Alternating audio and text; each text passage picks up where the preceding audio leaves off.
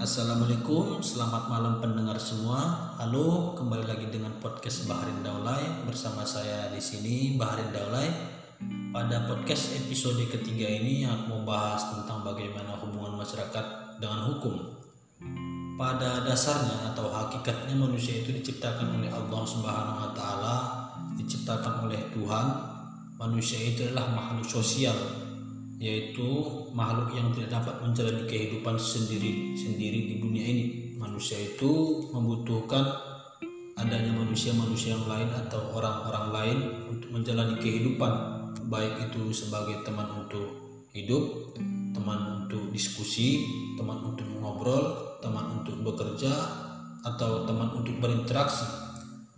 Oleh karena itu, sudah menjadi hakikat dan kodrat manusia itu sendiri sehingga ketika seorang diasingkan dari kehidupan sosial maka orang tersebut akan stres dan tidak dapat bahagia dalam menjalani kehidupan. Manusia itu adalah makhluk sosial atau zoon politikon yang di dalam kehidupannya itu selalu bermasyarakat dan mengadakan hubungan atau interaksi antara satu dengan yang lain. Baik itu interaksi antara individu dengan individu atau individu dengan kelompok atau bahkan kelompok dengan kelompok. Hal ini dilakukan agar manusia dapat memenuhi kebutuhannya yang beraneka ragam dan tidak mungkin dipenuhi oleh dirinya sendiri. Misalkan pembeli itu membutuhkan penjual dan penjual juga membutuhkan pembeli dan murid membutuhkan guru dan guru juga membutuhkan murid. Begitu sebaliknya, kita ambil saja contoh ketika Allah menciptakan Nabi Adam alaihissalam yaitu manusia pertama di dunia Nabi Adam kesepian sehingga Allah Subhanahu wa taala menciptakan Hawa yang tercipta dari tulang rusuk Nabi Adam alaihissalam sehingga Nabi Adam alaihissalam tidak sendirian lagi dan dapat melanjutkan kehidupan. Berbicara tentang arti masyarakat di dalam Kamus Bahasa Indonesia atau KBBI Masyarakat diartikan sebagai sejumlah manusia dalam arti seluas-luasnya dan terikat oleh suatu kebudayaan yang mereka anggap sama sehingga kita dapat menarik kesimpulan bahwa masyarakat itu adalah sekumpulan orang-orang atau sekumpulan komunitas yang memiliki kesamaan dan saling tergantung satu sama lainnya.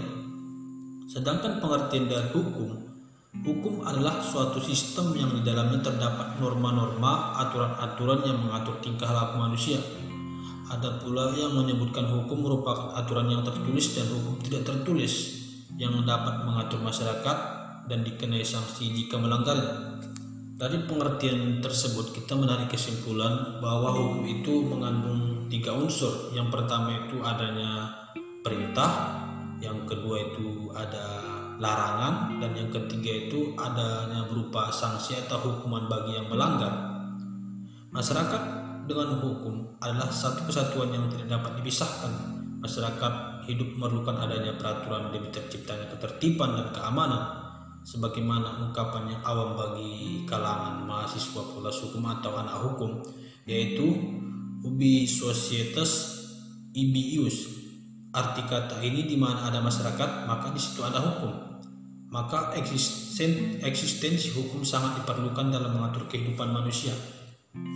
Karena di situ ada manusia, berarti situ ada hukum, dan situ ada hukum berarti ada manusia. Tanpa hukum, kehidupan manusia akan liar.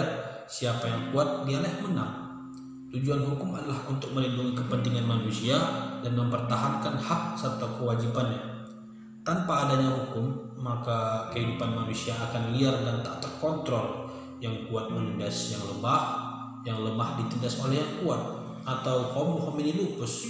Maksudnya adalah manusia adalah serigala bagi manusia lainnya.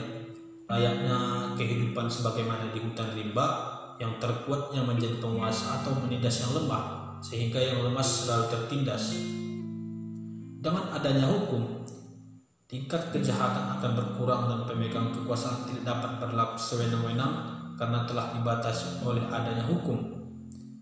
Tidak bisa dibayangkan jika hidup tanpa adanya hukum, sedangkan ada hukum saja sudah jelas-jelas belum tentu menciptakan keamanan secara maksimal, apalagi hukum tidak ada. Tidak mungkin tercipta lagi keamanan dan kenyamanan dalam kehidupan. Jadi, kesimpulan yang dapat aku sampaikan adalah menciptakan keteraturan dan ketertiban dalam masyarakat adalah menjalankan hukum dengan sebaik-baiknya tanpa pandang bulu siapa orang tersebut apa jabatannya.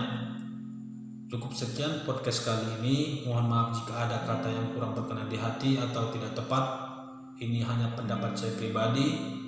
Jika ada yang tanyakan boleh kirim komentar ke kita sebanyak-banyaknya.